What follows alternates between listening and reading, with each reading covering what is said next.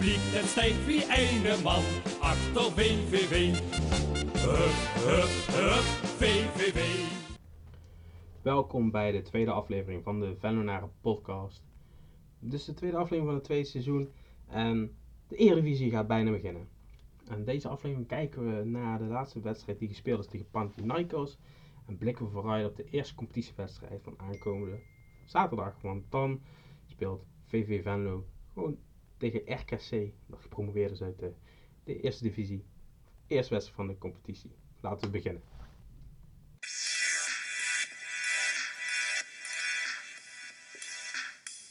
Afgelopen zaterdag speelden we tegen Panathinaikos. De Griekse ploeg was tegenstander in de Herman Theo Memorial. En in de Herman Theo Memorial wordt jaarlijks gespeeld tegen aansprakelijkmakende tegenstander. Voor, ja, als laatste test eigenlijk, voordat de competitie gaat starten. Panathinaikos was al, uh, al lang hier in de, in de regio. Ze speelden onder meer tegen Ajax en Feyenoord. Daar wonnen ze van. Uh, dus het was wel zeker een tegenstander van formaat. Nu was het wel zo dat Panathinaikos niet met het eerste team ging spelen. Dat was wel duidelijk. Dat zag je ook in de eerste helft. Want in de eerste helft was VVV gewoon de betere ploeg. Vooral het eerste stukje van de eerste, eerste helft. Er werd veel aangevallen. Uh, er werd veel intentie naar voren gespeeld. Goed druk gezet. En, en de balbezit was ook een merendeel van VVV. Degene die kansen had en kansen creëerde, dat was de thuisploeg. En dat was best wel bijzonder om te zien. Vooral omdat je tegen Panathinaikos speelt. Een ploeg die weliswaar achtste is geworden in de competitie vorig seizoen. Maar zeker dit jaar weer kan meedoen voor de Europese plekken in de eigen competitie, denk ik. Nu had Maaskant ervoor gekozen om achterin te beginnen met Jans op links, Patjonik op rechts.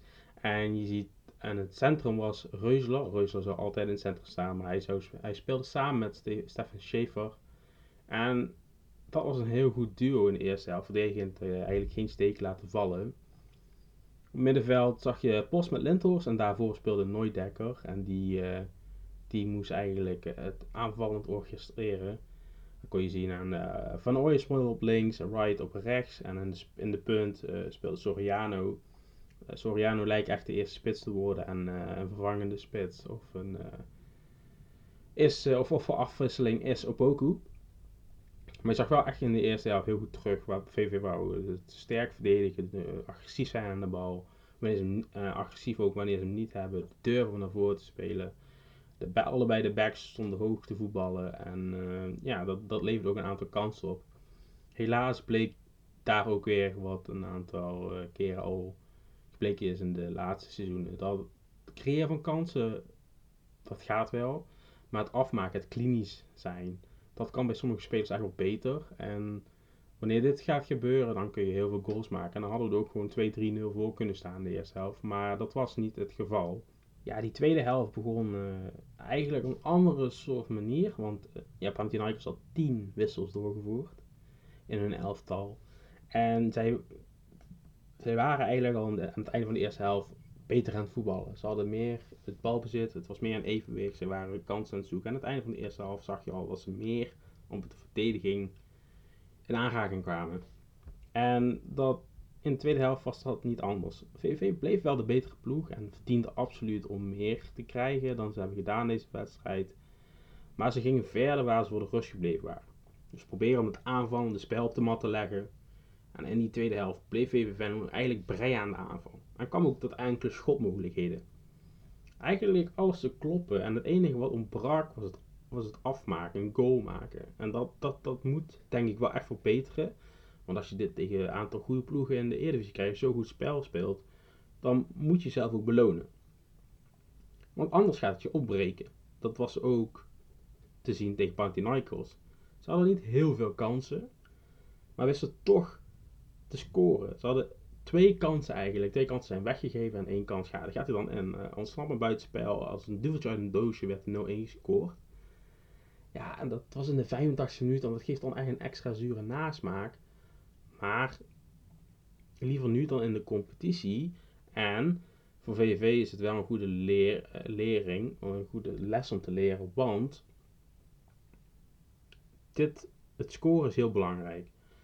En ik denk met mij veel mensen hebben gekeken naar de wedstrijd en denken van, oh, dat is heel positief hoe ze voetballen. Ze proberen aanvallend te voetballen. Heel veel kritiek is gekomen op Stijn en verdediging en spel van de laatste jaren. Ze willen heel graag vooruit voetballen. En dat laten ze nu onder Maaskant wel zien. Daar hebben ook de spelers meer voor. Meer creativiteit, meer drang naar voren. Dus dat is wel iets positiefs we kunnen zien. En hopelijk kunnen we dat ook gaan gebruiken tegen RKC. Want dat, die wedstrijd staat de volgende week alweer op het programma. Maar de voorbereiding is afgelopen. En we sluiten af met een nederlaag. Helaas. Maar toch positief uh, het spel vooral. Dat hebben we gespeeld tegen de profploegen. En hopelijk uh, kunnen we met een drie punten beginnen tegen RKC. Maar daar gaan we zo over spreken.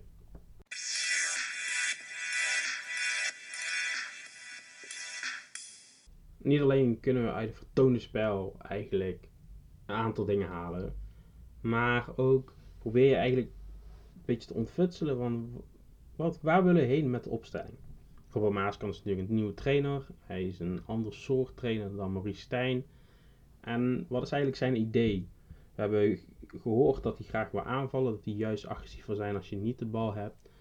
Maar wat betekent dit voor de opstelling? We hebben een aantal nieuwe spelers, we hebben een aantal spelers die weggegaan zijn. We zijn veranderd van huurlingen meer naar een, een opstelling, een, een beleid met meer spelerskoop. We hebben tot dusver nog maar één huurling, dus dat is denk ik wel positief. Maar hoe wil VVV gaan spelen? En dat is wel belangrijk. Zoals ik al zei, achterin begon hij met Jansen, Pasjenik en, de, en Sheva en. Uh, je zag echt dat Pasjenik heel hoog speelde. Die speelde bijna door de middenlijn. En Jansen, ja, dat is niet echt een back die veel opkomt. Maar hij speelde voor zijn doen ook best wel hoog. Je zag heel erg dat ze werken met koppeltjes. Dus uh, Schaefer trok best wel veel naar Jansen en de Reuzel trok veel naar Pasjenik. En die wisselde ook wel een beetje om. Zodat je soms Jansen en Pasjenik in het centrum had. Maar die hadden heel goed veel afspraken gemaakt. Nu had je twee verdedigende middenvelders. Uh, en Post. Waarbij Post eigenlijk meer als vijfde verdediger fungeert. En, en, en iets meer naar voren speelt. Maar dat verdedigende blok blijft wel staan. En daarvoor speelt dan uh. En uh, speelde daarvoor. En dan had je eigenlijk een soort drie aanvallen systeem. Had je Van Ooy op links. Op rechts had je Wright. En in het midden heb je dan uh, onze vriend Soriano. Zo zag het eruit. Op papier vooral. Nu, als je kijkt naar wat daadwerkelijk de opstellingen waren, zie je dat om minuut 87 VV een informatie speelt. De 4-4-1-1 formatie. Dat wil zeggen dat Wright en Van Ooyen als buiten zijn middenvelder spelen naast het defensieve blok van Post en Lindhorst. Nooidekker speelt daarvoor. Hij speelt echt achter de spits, want Soriano is de enige spits. Van Ooyen en Wright konden wel in aanvallende stellingen ver naar voren rennen, waardoor je eigenlijk een, een 4-2-1-3 had, als je heel aanvallend keek. En dat ging eigenlijk best wel prima, waardoor je wel twee verdedigende linies goed had, maar in aanval ook kon omschakelen. Dus het omschakelen was heel belangrijk. En dat is minder behouden dan bij Stijn, of was naar mijn smaak in ieder geval. Of naar mijn idee. En toen de goal gescoord werd in de 85e minuut, uh, was natuurlijk al een aantal keer gewisseld. En in de 87e minuut werd geschakeld naar een 3-5-2 systeem. Dit was zeker om meer iets aanvallends te forceren. Nou, dan kun je zien dat Scheimer, Koem en Van Brugge stonden in als, als de drie centrale verdedigers als het. En dan had je Post, die speelde in het midden. Jans en Lintos speelden dus twee aanvallende middenvelders, een beetje omhoog. En Sinclair en Wright trokken helemaal van, van, uh, van aanval naar verdediging. Want in de verdediging waren zij de, de, de vierde en vijfde verdediger. En in aanval uh, ze aan bij, bij de aanvallende spelers. In dit geval was het Stan van Dijk die als pintje naar voren werd gebracht. Samen met Poku. En zij probeerden eigenlijk een doorbraak te forceren nadat het 0-1 geworden was. Dat, dat lukte niet. Maar uh, de 4-3-3 formatie van Panathinaikos uh, bleek niet helemaal goed te werken tegen de 4-4-1-1. Dus dat was best wel een goede tactische zet van, van Maaskant tegen de, tegen wedstrijd, in de wedstrijd. We hadden veel mogelijkheden, maar wat ik nu belangrijker vind is wie gaat eigenlijk spelen in het centrum. Er zijn een aantal posities waar we nog niet helemaal over uit zijn, denk ik. Ik denk dat de linksback positie en de linker centrale verdediger nog niet helemaal zeker zijn. Uh, dit kan Koen worden in het centrum, dat kan Schaefer worden en Charme Jansen. Uh, middenveld lijkt een Pols en Lins op dit moment wel redelijk uh, onomstreden. En daarvoor Nooidijker ook. De spits Soriano of Upoku. En ik denk dat Wright ook gaat spelen. Ik denk een grote vraag is wie wordt die linkervleugel aanvallen? Wordt dat Sinclair? Wordt het Van Ooyen? Of komt er nog iemand nieuw deze week die dan waarschijnlijk gaat spelen? Dat is lastig om te zeggen op dit moment. Maar het is wel interessant te zien dat grotendeels het nieuwe elftal wel klaar is. En hopelijk zijn we klaar voor RKC en Sparta. En vooral RKC gaan we ons nu op focussen, want dat is de eerstvolgende wedstrijd. En meteen een hele belangrijke van de Venonaren.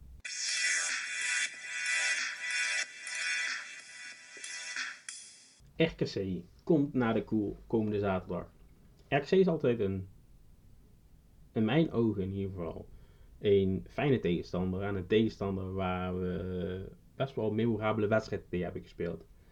Ik denk hier vooral bij de promotie in 2007 en denk ook hierbij aan de promotie in 2017 toen we met 2-1 wisten te winnen en daardoor promoveerden naar de Eredivisie waar we nog steeds gelukkig in zitten. Maar RKC is veel meer dan dat. De Rooms-Katholieke combinatie uit Waalwijk met de fantastische slogan You Never Walk Alone. Die ja, promoveerde op een spectaculaire wijze door, echt, door van Go Ahead te winnen in extremis met 5-4 ja, ik denk misschien wel de meest knok, wedstrijd van, de, van, de, van deze eeuw in de eerste divisie misschien wel. En ja, ze hadden het op die basis van die wedstrijd ook verdiend. Nou zijn ze zich gaan versterken en ze hebben een aantal wedstrijden gespeeld. En tegen de profclubs hebben 3 gewonnen van KV Mechelen. Uh, gewonnen van, uh, eh, van Os met 1-0. Gewonnen van NAC. Uh, verloren dan wel van NEC, maar ze zijn wel steeds meer zich klaar aan het zo voor de Eredivisie. En dat mag ook wel, want de komende week, week, weekend is de wedstrijd tegen VVV. Nu wordt het lastig een beetje te zien van ja, hoe gaat het met RKC? Hè? Van uh, welke spelers hebben ze nu gehaald? Uh, welke, welke bedoelingen hebben ze in de Eredivisie? Welke, welke middelen hebben ze? En wat, wat, wat gaan een promovendus op de mat leggen. Want dat is altijd wel een, een, een lastig gegeven. Want een, als promovendus weet je nooit zo goed van, oké, wat zijn die doelstellingen? Hebben we veel geld op de mat? Kunnen we daar veel mee? Uh, kunnen, we, kunnen we voor meer gaan dan alleen handhaving? Kunnen we, of moeten we echt gaan kijken naar handhaving alleen? En ook dit seizoen gaan er twee spelers direct degraderen.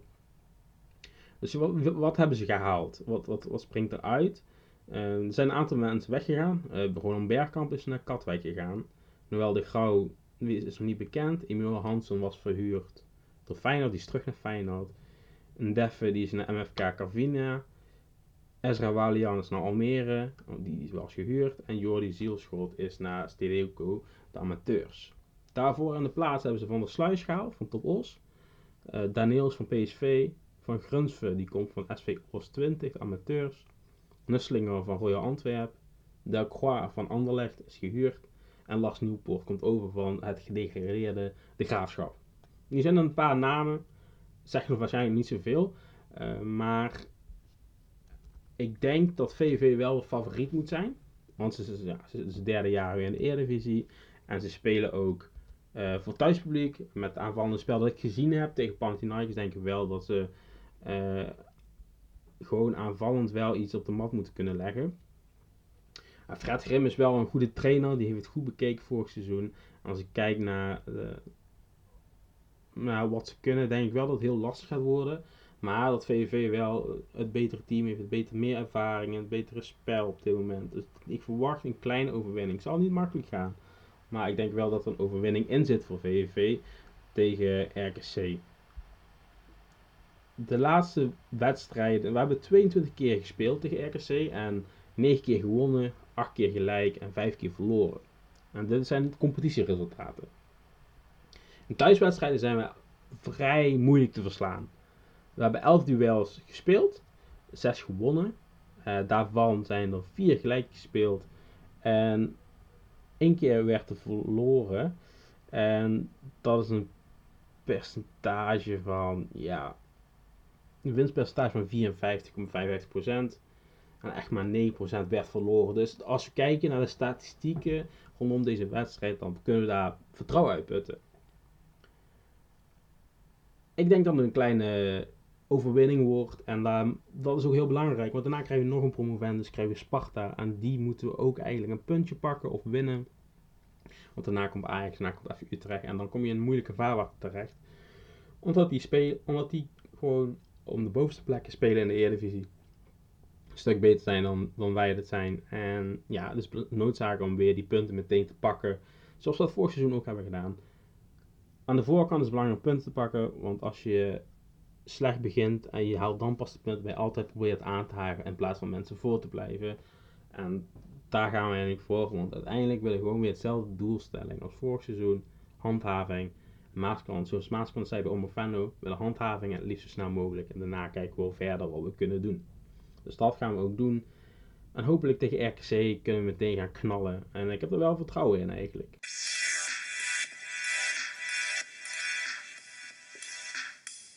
We hadden jullie gevraagd om een aantal uh, vragen in te sturen.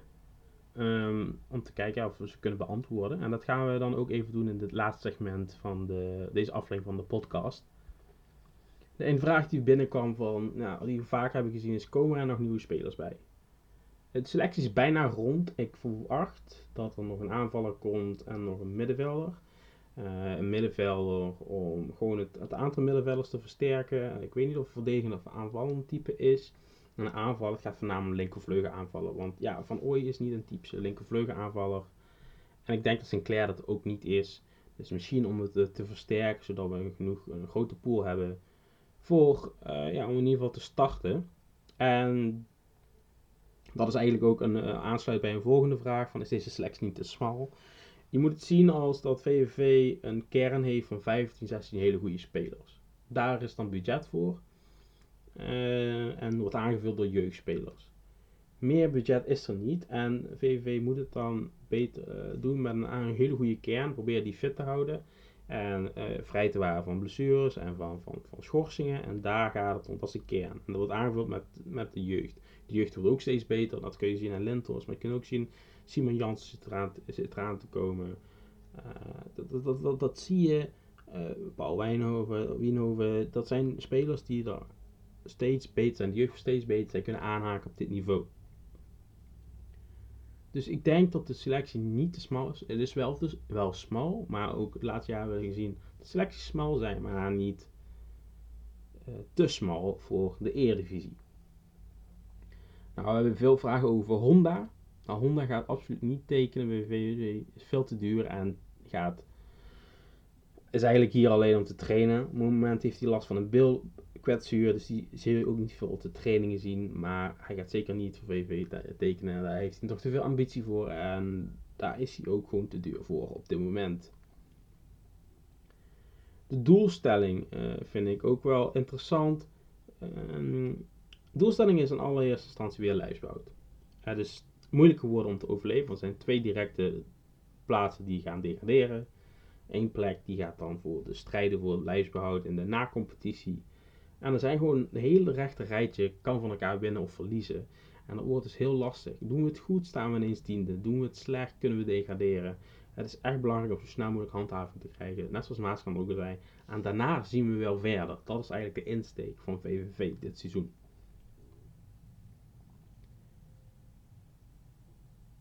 Nu is er ook nog een, denk ik, de laatste vraag die ik hierbij wil behandelen. Is VVV niet afhankelijk van de persoon van Stan Valks? Misschien wel. Stan Valks heeft natuurlijk een heel groot netwerk en zorgt er even voor een aantal grote klappers gezorgd. Maar hij is natuurlijk niet de enige. Een hele grote speel. Maar het is wel belangrijk om te realiseren dat Stan Valks voor heel veel spelers zorgt. Terwijl hij heel veel groot netwerk heeft. Dat hij zorgt voor dat spelers naar VV willen komen. Dat kijken naar wat voor karakter heeft een speler. Dat moet ook bij de club horen. Maar hij is niet de enige die daar inspraak in heeft. Tuurlijk heeft de technische staf ook inspraak. Heeft de algemene directie daar ook inspraak in. Het wordt samen gedaan. Dat is een, een technisch hart. Zoals het is. Het is niet alleen Stan Vaux. Maar hij is daar wel een hele grote stempel op weten te drukken. Daar, zeker, is super belangrijk. En als hij weg mag gaan, dan VV inderdaad een probleem. Maar het is niet zo groot als veel mensen denken dat hij de enige is die daarvoor zorgt. Dat is niet het geval. Maar ja, we hopen allebei gewoon, of allemaal eigenlijk, dat, het, dat hij gewoon blijft. En dat we gewoon uh, van zijn expertise kunnen genieten zolang hij, nog, zolang hij bij VV zit. Want het een, heeft in ieder geval tot nu toe een vruchtbare samenwerking opgeleverd. En uh, hopelijk kunnen we daar nog heel lang van genieten. En daarmee zijn we ook aan het einde gekomen van deze aflevering van de Fenomenare podcast. Uh, seizoen 2 is gestart, aflevering 2 is gestart en de volgende podcast uh, nemen we op na de wedstrijd tegen RKC. En dan uh, is de competitie echt begonnen en wordt het weer spannend, iedere, iedere week weer hopen op het, op het beste. Bedankt voor het luisteren. En mocht je vragen hebben op of aanmerkingen, kun je een e-mail sturen naar info.fenomenare.net of een berichtje achterlaten op Twitter, Instagram of Facebook. En dan gaan we daarmee aan de slag. Nogmaals bedankt voor het luisteren en we spreken ons de volgende keer. Haaien. Publiek, het wie ene man achter VVV. VVV.